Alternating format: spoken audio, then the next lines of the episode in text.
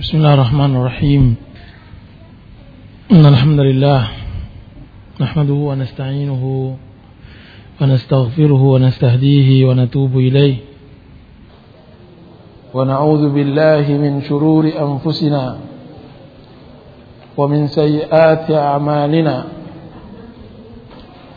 من يهده الله فلا مضل له ومن يضلل فلا هادي له. أشهد أن لا إله إلا الله وحده لا شريك له.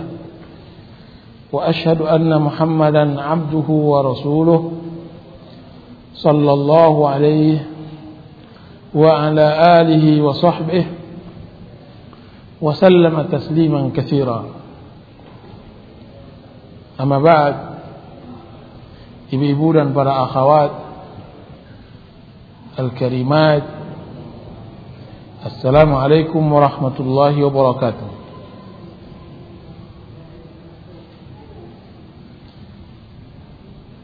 Kita lanjutkan pembahasan seputar kajian ilmiah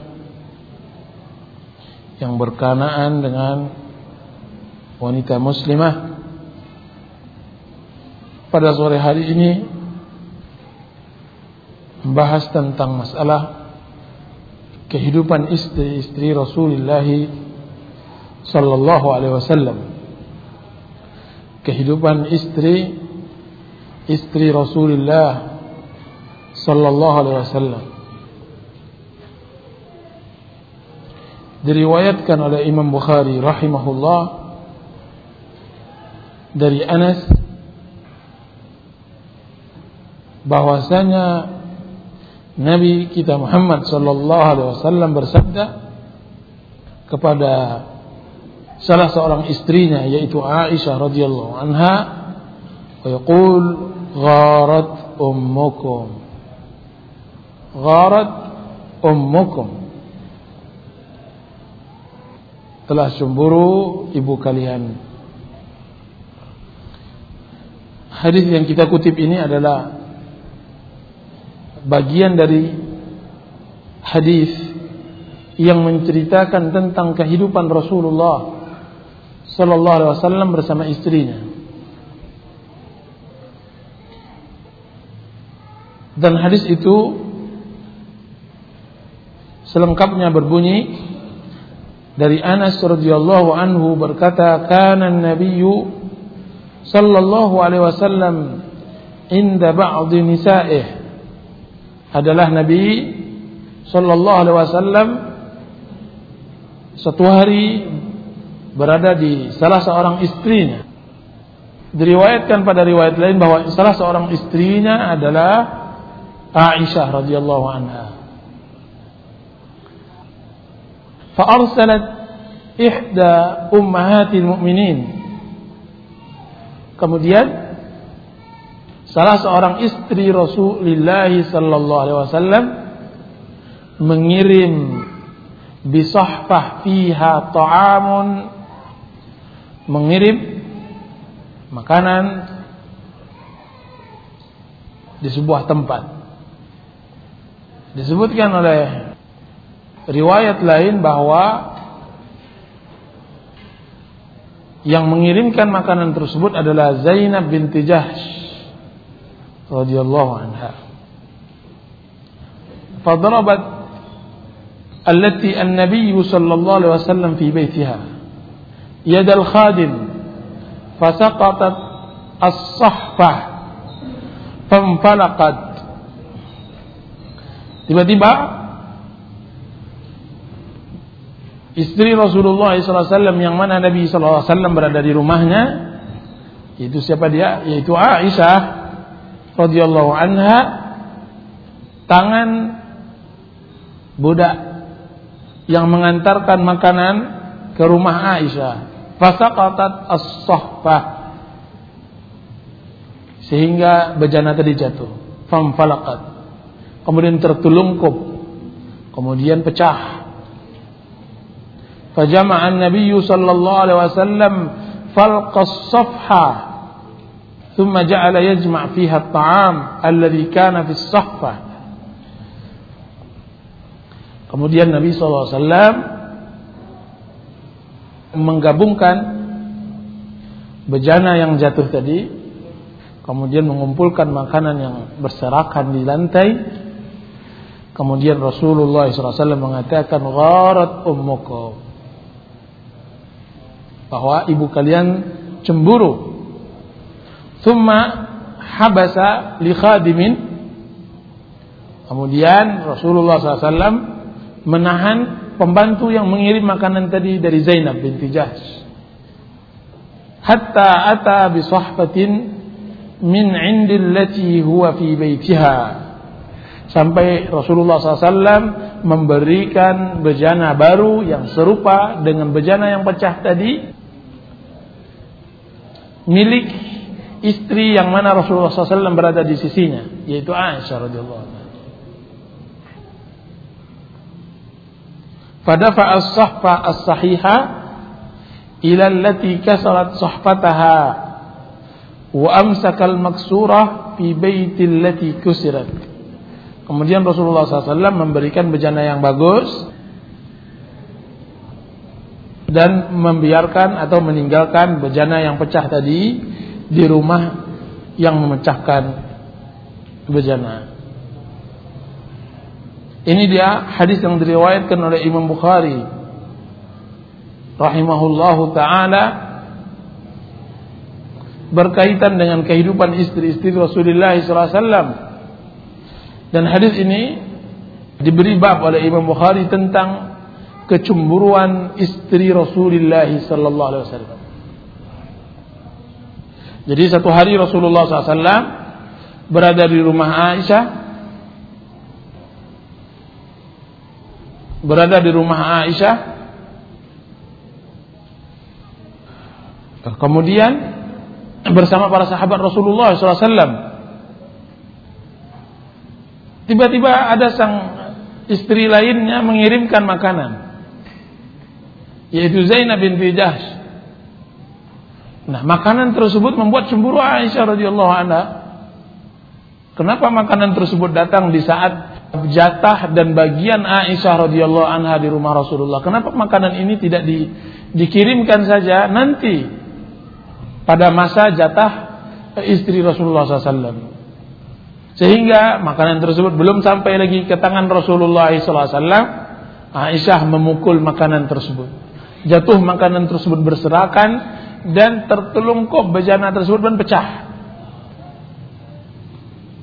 Jadi lihat bagaimana Rasulullah sallallahu alaihi wasallam menyikapi keadaan seperti ini. Istrinya dilihat oleh para sahabat yang lainnya. Dilihat dalam keadaan marah mungkin saja hal-hal banyak terpikirkan oleh sahabat Rasulullah sallallahu alaihi wasallam.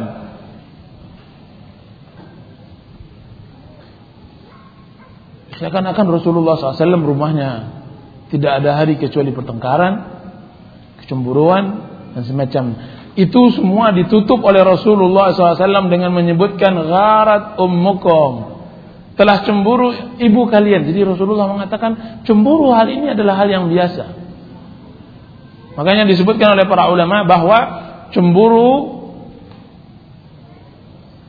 diperbolehkan selagi tidak menzalimi yang lainnya. Jadi cemburu, kecemburuan itu diperbolehkan dan itu sah-sah saja datang dari wanita-wanita yang mulia.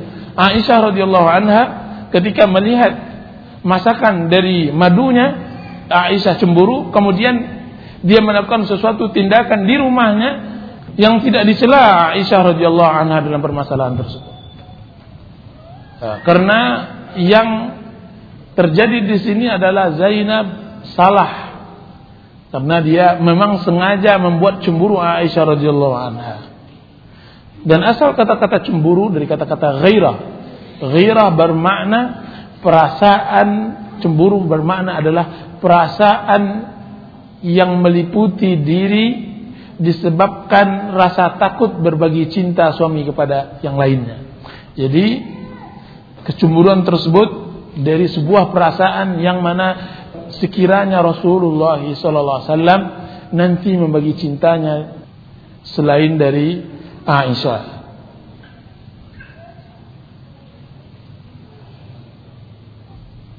Ucapan Rasulullah SAW yang mengatakan gharat ummukum telah cemburu ibu kalian itu apa kata Ibnu Hajar i'tidharun minhu sallallahu alaihi wasallam li'alla yahmil sani'aha ala ma yudham bahwasanya uzur Rasulullah SAW kepada para sahabat agar jangan dibawa tindakan yang dilakukan oleh Aisyah radhiyallahu anha sehingga dicela. Jadi perbuatan tadi itu tidak layak dicela dan tidak perlu dicela. Bal yajri ala adati dharair dan itu hal yang terbiasa terjadi di kalangan suami yang mempunyai lebih dari satu istri. Hal yang biasa yang seperti ini tidak perlu dicela. Kecemburuan sesama wanita yang mempunyai satu orang suami itu adalah hal yang terbiasa. Disebutkan oleh para ulama bahwa tidak ada manusia yang saling mencemburu yang terjadi pada anak Adam seperti cemburu seorang istri kepada istri yang lainnya yang disebut ad-durrah. Orang Arab mengatakan madu itu ad-durrah. Disebut durrah dari kata darar. Karena istri yang satu merasa istri yang dua membahayakannya. Cemburu seperti ini. Faedah yang berikutnya yaitu mulianya akhlak Rasulullah SAW karena Rasulullah SAW tidak mencela Aisyah radhiyallahu anha. Jadi Rasulullah SAW adalah suami yang paling mengerti kapan dia berbuat, kapan dia marah, kapan dia bertindak, kapan dia memarahi istrinya dan semacamnya. Dan lihat Rasulullah SAW sangat mengerti bahwa tindakan salah Aisyah radhiyallahu anha dari sifat cemburunya Rasulullah SAW tidak menghukum Aisyah, tidak mencelanya, akan tapi hanya menyebutkan kata-kata yang singkat yaitu gharat ummukum kulu bahwa ibu kalian sedang cemburu. Jadi Rasulullah SAW mengerti dia adalah suami yang paling mengerti kapan dia bertindak keras terhadap istrinya dan kapan dia bertindak lunak dan kapan dia memarahi istrinya kapan dia memarahi istrinya dan kapan dia tidak memarahi istrinya. Biasanya Rasulullah SAW satu tindakan yang dibuat oleh istri-istrinya dari sifat kecemburuannya itu tidak bisa tidak dihukum. Karena ini hal yang sulit dilepaskan dari seorang wanita. Jadi lumrah Aisyah radhiyallahu anha memukul bejana tadi kemudian jatuh, kemudian Rasulullah SAW tidak marah.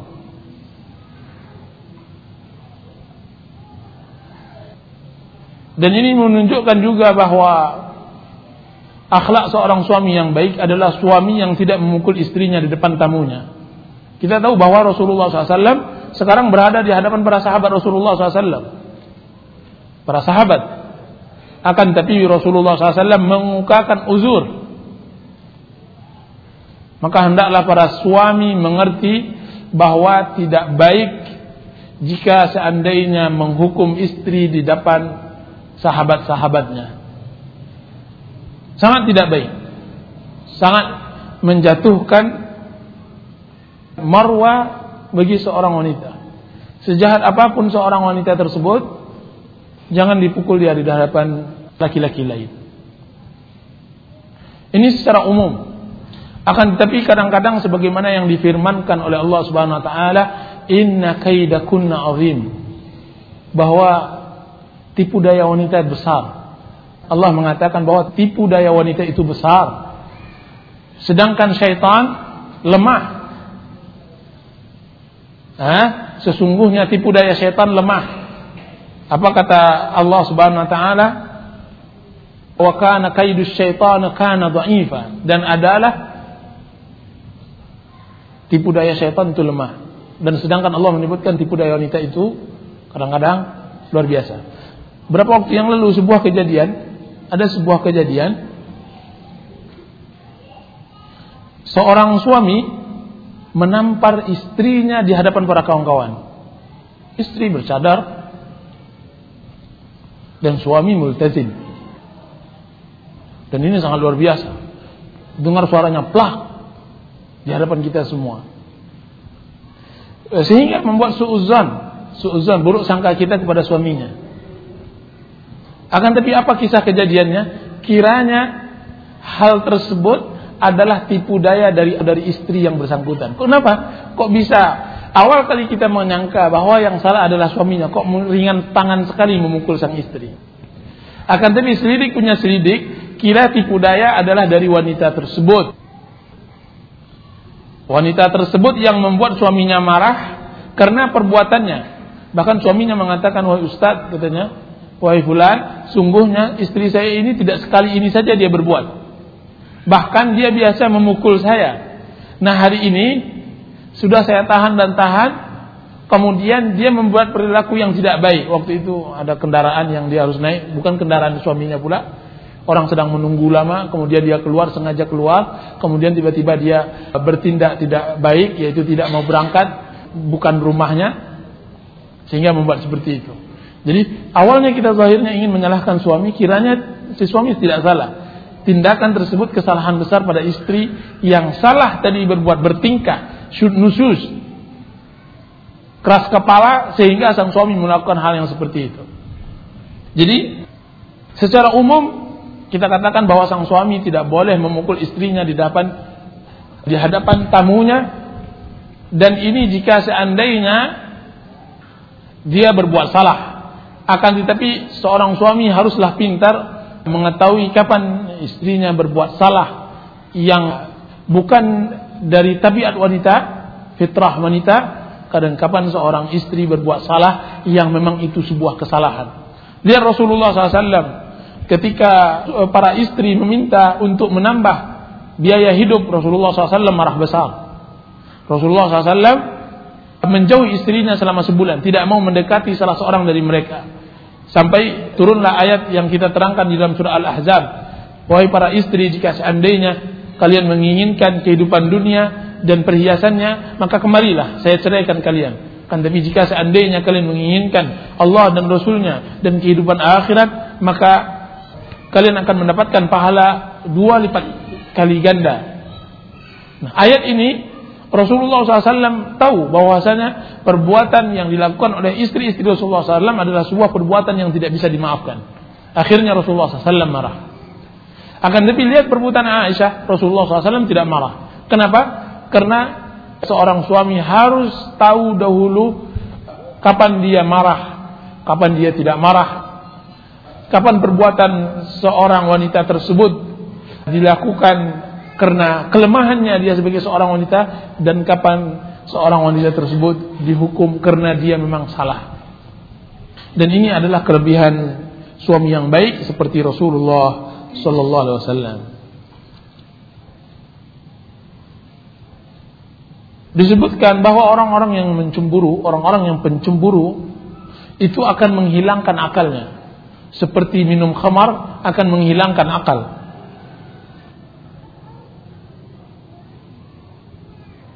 Disebutkan dari Aisyah radhiyallahu anha, istri yang cemburu kepada istri-istrinya yang lain, apa katanya? Al-ghaira la tubsir asfal al-wadi min a'la. Orang yang pencemburu tidak akan bisa melihat eh, lembah ketika dia berada di atas gunung. Jadi orang yang mencemburu dia tidak bisa melihat semua pandangannya dengan sempurna. Begitu tertutup akalnya sehingga terjadi tindakan-tindakan yang dapat berbentuk sebuah kesalahan yang harus dipahami oleh semua para suami. Di dalam riwayat lain juga disebutkan oleh Imam Bukhari rahimahullahu taala perkataan Aisyah radhiyallahu anha apa kata beliau? Maghirtu alam ra'atin lin nabiyyi sallallahu alaihi wasallam maghirtu ala Khadijah. halakat qabla an yatazawwajuni. Apa kata Aisyah, saya tidak pernah cemburu kepada seorang wanita sebagaimana cemburu saya kepada Khadijah. Dia telah binasa sebelum Rasulullah SAW menikahkanku. Dalam riwayat lain disebutkan, sekalipun wanita tersebut tidak pernah aku lihat. Coba lihat kecemburuan Aisyah sampai di dalam masalah mengungkapkan.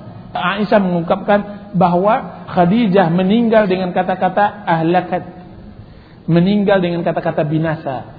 Coba lihat cemburunya. Kemudian beliau tidak mau yaitu Aisyah radhiyallahu anha tidak mau menyebutkan nama Khadijah. Dia disebutkan bahwa dia binasa sebelum Rasulullah SAW menikahiku. Lima kuntu asma'uhu yadhkuruha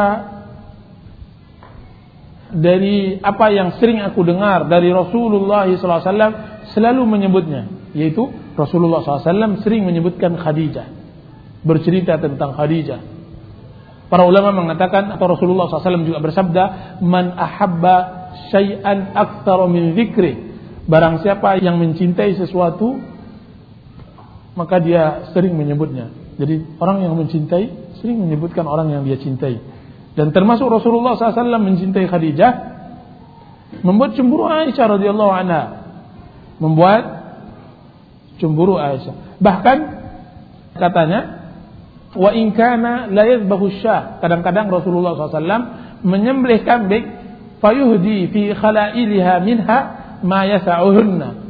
Kadang-kadang Rasulullah SAW menyembelih kambing kemudian memberi hadiah kerabat-kerabat Khadijah yang mencukupkan mereka yaitu sering kali Rasulullah SAW teringat kepada Khadijah kemudian menyembelih kambing untuk mereka kepada Khadijah kemudian menyembelih kambing kemudian dia bagi-bagikan kepada kerabat-kerabat teman-teman dekat Khadijah radhiyallahu anha bukti kasih cintanya Rasulullah SAW terhadap Khadijah jadi sekarang lihat bagaimana Aisyah cemburu dengan Khadijah radhiyallahu anha cemburu Aisyah itu ketika Khadijah sudah meninggal. Disebutkan oleh para ulama, bagaimana lagi jika seandainya Aisyah radhiyallahu anha melihat Khadijah atau lagi uh, Khadijah hidup bersama Rasulullah SAW semasa Aisyah radhiyallahu anha menjadi istri. Di sini disebutkan oleh Imam Bukhari rahimahullah bab husnul ahdi minal iman bab tentang menjaga kenangan manis dengan istri yang sudah meninggal adalah bagian dari iman. Rasulullah SAW selalu teringat kepada Khadijah. Bahkan diriwayatkan di riwayat Imam Bukhari bahwa suatu hari Halah binti Khuwailid suatu hari Halah binti Khuwailid yaitu saudaranya Khadijah minta izin menemui Rasulullah SAW. Kemudian Rasulullah SAW teringat akan suara Khadijah. Jadi ketika datang Halah, adiknya atau kakaknya Khadijah datang, bukan suara Halah yang terdengar oleh Rasulullah SAW, akan tapi kenangan suara Khadijah yang telah lama meninggal. Sehingga Rasulullah SAW mengatakan Allahumma halah Halah bintu Khailid. Masya Allah. Selamat datang wahai Halah. Engkau mengingatkanku terhadap Khadijah radhiyallahu anha, istriku yang lama. Lihat makanya hal-hal ini yang diceritakan oleh Aisyah radhiyallahu anha membuat cemburu eh, Aisyah. Apa kata Aisyah di awal hadis tadi yang saya bacakan? Maghirtu ala maghir tu ala Khadijah maghirtu ala imra'atin lin nabi sallallahu alaihi wasallam. Maghirtu ala khadijah. Bahwasanya tidak ada seorang yang saya cemburui seperti saya mencemburui Khadijah radhiyallahu anha menunjukkan bahwasanya Aisyah radhiyallahu anha cemburu terhadap eh, istri-istrinya dan ini hal yang lumrah. Hal yang lumrah. Begitu bentuk cemburunya Aisyah kepada Khadijah apa kata Aisyah? Ya Rasulullah, apakah tidak ada lagi wanita selain dari Khadijah? Bukankah Allah Subhanahu wa taala telah menggantikan untuk engkau seorang wanita yang jauh lebih baik daripada Khadijah? Dia mengatakan begitu. Fakultu, apa kata dia? Wa ma tadhkur min ajuzin min ajaizi Quraisyin hamra asyadqain halakat min ad-dahri fa abdalakallahu khairan minha ya Rasulullah masihkah engkau masih mengingat seorang wanita renta dari suku Quraisy? Dari suku Quraisy yang telah hilang semua giginya yang telah lama binasa. Kemudian Allah Subhanahu wa taala menggantikan engkau lebih baik dari itu. Maksudnya adalah siapa? Dirinya. Apa kata Rasulullah SAW membuat cemberut Aisyah? Ya Aisyah, ma abdalani Allah khairan minha. Ya Aisyah, sesungguhnya tidak ada yang bisa menggantikan lebih baik darinya. Membuat marah Aisyah radhiyallahu anha. Nah, kalau seandainya sudah marah-marah begini, nah, biasanya Rasulullah SAW sering membuat berpikir atau membuat sesuatu hal Rasulullah SAW sampai tahu bentuk apa yang diinginkan oleh Aisyah. Sampai tahu apa yang diinginkan, kapan dia marah dan kapan dia benci. Satu hari diriwayatkan di dalam hadis sahih Rasulullah SAW berkata kepada Aisyah, Ya Aisyah, inni la'alam idza kunti anni radiyah wa idza kunti alayya ghadba. Wahai Aisyah, saya tahu kapan engkau senang dengan saya, kapan engkau suka dengan saya, dan kapan engkau benci kepada saya. Jadi kapan engkau senang, kapan tidak suka. Kapan Aisyah marah kepada Rasulullah, kapan tidak marah. Apa kata Aisyah? Min aina ta'rif dzalik? Dari mana engkau tahu ya Rasulullah hal itu dari saya? Apa kata Rasulullah SAW? Ama idza kunti anni radiyah fa innaki taqulin la wa rabbi Muhammad. Wahai Aisyah, kalau seandainya bukti-bukti engkau sudah suka denganku, hari-hari engkau baik denganku, ah, engkau selalu mengatakan la wa rabbi Muhammad, tidak atas nama Rabb Muhammad. Jadi disebutkan tidak dengan nama Tuhan Muhammad. Jadi disebut-sebut nama Muhammad sallallahu alaihi wasallam. Wa idza kunti ghadba kalau seandainya engkau dalam keadaan murka, engkau tidak suka dengan saya ah, wahai Aisyah, engkau mengatakan la wa rabbi Ibrahim. Tidak, wahai Rabb Ibrahim. Jadi kalau dia bersumpah, dia tidak mau menyebut nama suaminya. Dia sebut nama Nabi Ibrahim. Tidak, wahai Tuhan Ibrahim. Dia katakan begitu. Apa kata Aisyah dengan tersipu-sipu ajal wallahi ya Rasulullah ma ahjuru illa isma. Benar ya Rasulullah, sesungguhnya aku tidak sanggup berpisah kecuali mendiamkan namamu. Kalau seandainya saya berpisah denganmu, demi Allah saya tidak akan kuat. Tapi untuk satu hari dua hari tidak menyebut namamu bisalah. Tidak menyebut namamu saya bisa, saya tahan. Lihat bagaimana Aisyah radhiyallahu anha begitu berbuat terhadap Rasulullah SAW. Sehingga perbuatan kecemburuan istri. Jadi kita katakan bahwa cemburu pada dasarnya tidak aib. Bahkan kecemburuan tersebut jika seandainya diketahui dari seorang istri menunjukkan cinta yang begitu mendalam dari seorang istri. Jadi hendaklah para suami tahu bahwa cemburunya seorang istri bukan menunjukkan kebenciannya kepada suaminya. Akan tapi bahkan menunjukkan kecintaannya kepada suaminya. Jadi kecintaannya kepada suaminya. Jadi kalau seandainya diminta oleh para suami untuk meredai istrinya redha untuk menikah lagi itu nggak akan akan ada sampai hari kiamat. Karena difitrahkan untuk cemburu, waktu dia cemburu, makanya salah besar seorang suami berhujah untuk tidak berpoligami dia mengatakan istri saya belum mengizinkan saya. Apanya dia sebagai sangga dia harus menunggu izin. Kalau seandainya dia harus menunggu izin, paling kuat menunggu kematian istri tersebut. Makanya sering saya katakan kepada para ikhwan, kadang-kadang laki-laki mengatakan begitu hanya sebatas ucapan saja, saya menunggu izin. Padahal dia tidak punya mental untuk berpoligami. Jadi kita katakan bahwa cemburu adalah bukti tidak maunya seorang istri di madu adalah bukti dia cinta kepada suaminya. Jadi bukti dia cinta kepada suaminya karena cemburu yang kita katakan tadi adalah perasaan takut bahwa suami nanti berbagi cinta dengan dengan madunya. Jadi nah, begitu. Diriwayatkan oleh Imam Muslim. Diriwayatkan oleh Imam Muslim dari Aisyah radhiyallahu anha. Karena seringnya Rasulullah SAW tidak lebih condong kepada Aisyah karena Rasulullah SAW memang sangat cinta kepada Aisyah radhiyallahu anha. Sampai-sampai Rasulullah mengatakan keutamaan Aisyah dibandingkan dengan semua wanita sebagai keutamaan at-tharid pada semua makanan fadlu Aisyah ala sairin nisa ka fadli tharid ala sairit ta'am keutamaan Aisyah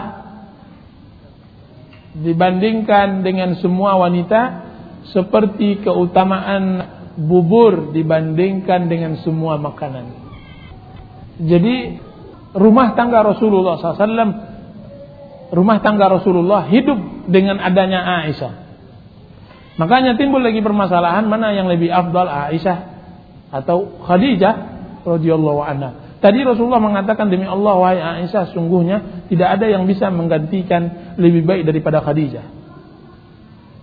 Akan demi kita katakan bahwa kelihatannya dalam segi keibuan, dalam segi kedewasaan bahwa yang paling dewasa, yang paling keibuan dari istri-istri Rasulullah SAW yang bisa Rasulullah SAW berbagi rasa dan semacamnya adalah dengan Khadijah radhiyallahu anha. Akan tapi yang menghidupkan, yang memeriahkan rumah tangga Rasulullah, yang membuat lebih bahagia Rasulullah SAW adalah bersama Aisyah radhiyallahu anha. Ini perbedaan antara Aisyah dibandingkan dengan Khadijah.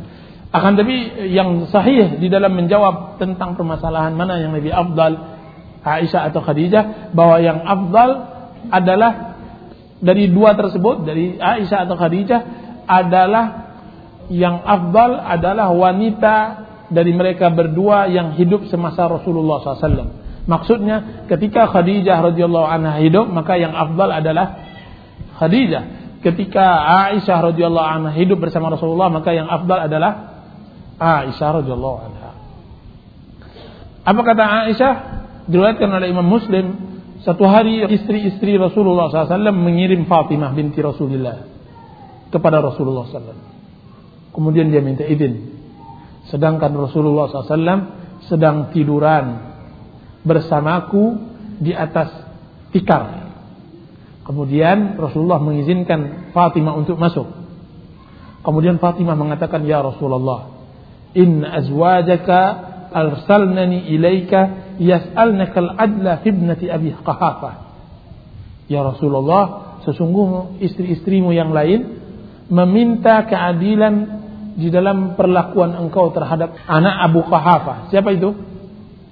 Aisyah radhiyallahu anha. Jadi istri-istri Rasulullah mengirim berangkatlah engkau wahai Fatimah. Sampaikan keluhan kami ini enaknya saja Aisyah itu ngambil waktu sering banyak sekali mengambil waktu. Begitu dikira-kira dia bilang. Hah? Aisyah masih ada di depannya. Apa kata Aisyah? Wa ana kita saya diam. Saya tidak menjawab. Saya tidak berbicara. Saya tidak bergeming. Saya mendengar apa yang diucapkan oleh Fatimah anak Rasulullah SAW tersebut. Kemudian Rasulullah SAW mengatakan, Ay bunayyah, alasti tuhibbina ma uhib? Wahai anakku tidakkah engkau mencintai apa yang aku cintai? Apa kata Fatimah? Benar ya Rasulullah saya cinta kepada orang yang engkau cintai. Maka Rasulullah SAW mengatakan kepada Fatimah maka cintailah wanita yang di sebelah saya ini. Yaitu Aisyah radhiyallahu saya cinta kepadanya, maka cintailah dia. Disebutkan di dalam riwayat lain, ketika ditanya Rasulullah SAW, Ya Rasulullah, ayun nasi ahabbu ilaik. Orang mana yang engkau cintai? Manusia yang paling engkau cintai itu siapa? Maka Rasulullah SAW mengatakan, Aisyah. Yang saya paling cintai adalah Aisyah radhiyallahu anha. Kemudian ditanya lagi oleh orang tersebut, ya Rasulullah, siapa lagi? selain dari Aisyah. Apa kata Rasulullah? Abuha.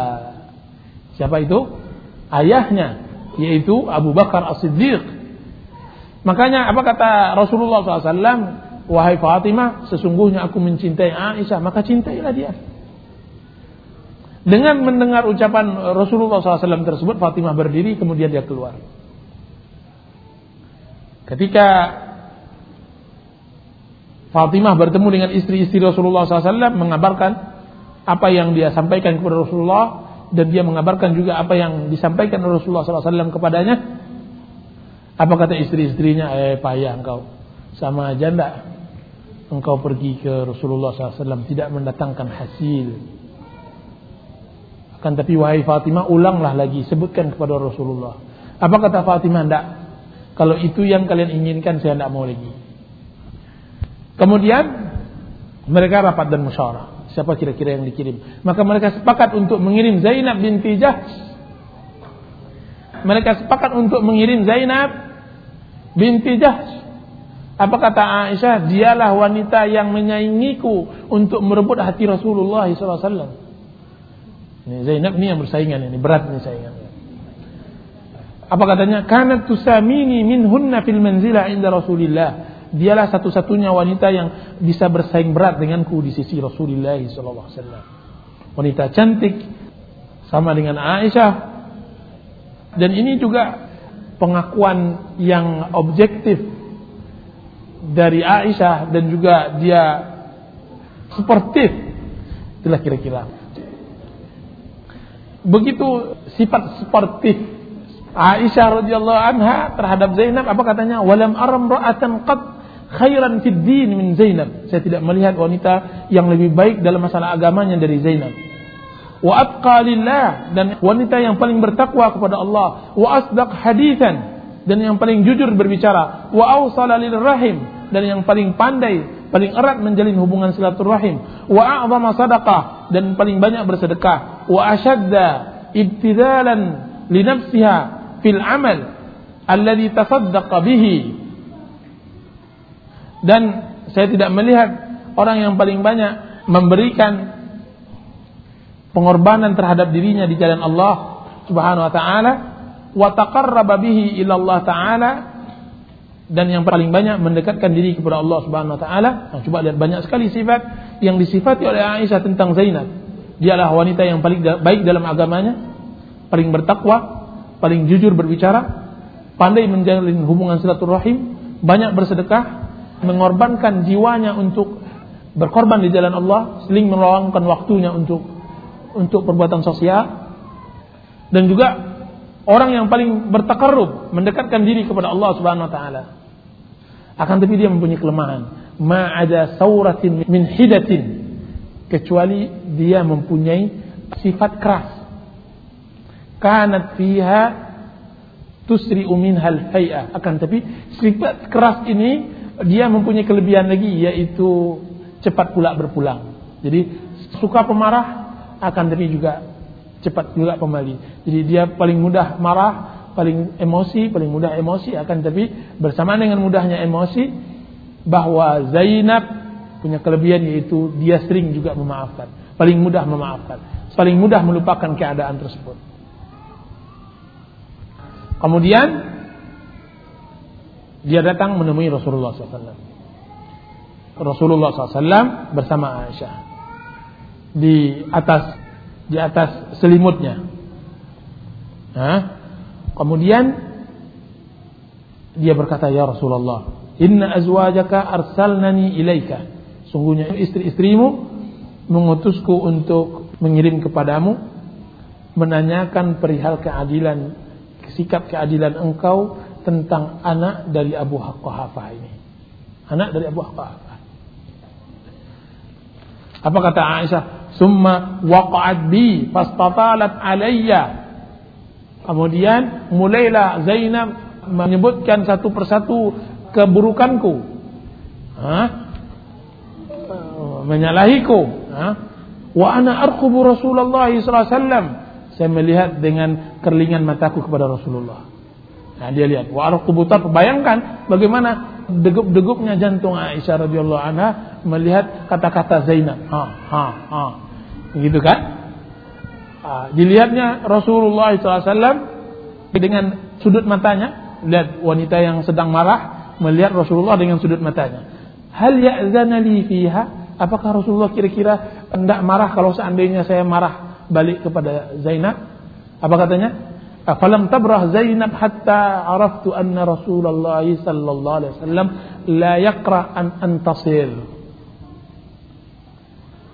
Sampai Zainab terus menyebutkan kekurangan-kekurangannya sampai aku tahu Rasulullah melihat kepadaku mengisyaratkan bahwa tidak salah aku membela diriku. Itu ya Rasulullah, udahlah. Sekarang bagianmu sekarang Aisyah. Maka mulailah mulailah kembali Aisyah mendapat bagian dari Rasulullah sampai apa katanya saya buat Zainab terduduk tidak bisa berbicara. Apa kata Rasulullah SAW dengan tersenyum? Ah itulah tabas sama innaha ibnatu Abi Qahafa. Tidak tahu kalian itu anak Abu Qahafa itu kata dia. Yang yang bicara nih wahai Zainab, anak Abu Ibnu Abi Qahafa yaitu Aisyah. Maksudnya dengan kepandaian dia berbicara, pintarannya, biasanya tidak pernah kalah dalam berdebat dan semacamnya. Ini Aisyah ini, jangan sembarangan. Jangan sembarangan berbicara. Lihat bagaimana rumah tangga Rasulullah SAW. Hal-hal yang seperti ini lumrah. Rasulullah SAW mensikapinya eh, dengan eh, lapang dada dan semacamnya. Ada lagi sebuah kejadian. Jadi alangkah lucunya kehidupan istri-istri Rasulullah SAW dan kadang-kadang e, menggelikan. Dan ini malah menambah kehidupan Rasulullah SAW kebahagiaan di dalam rumah tangganya. Apa kata Aisyah? Aisyah lagi yang menceritakan. Jadi semuanya ini adalah pelajaran untuk seluruh wanita-wanita muslimah setelahnya. Apa kata Aisyah yang diriwayatkan oleh Imam Muslim? Adalah Rasulullah SAW kalau seandainya keluar, beliau mengundi istri-istrinya pada sebuah peperangan maka jatuh undian tersebut atas nama Aisyah dan Hafsah, atas nama saya dan nama Hafsah. Sehingga kami keluar berdua, yaitu keluar berperang bersama Rasulullah.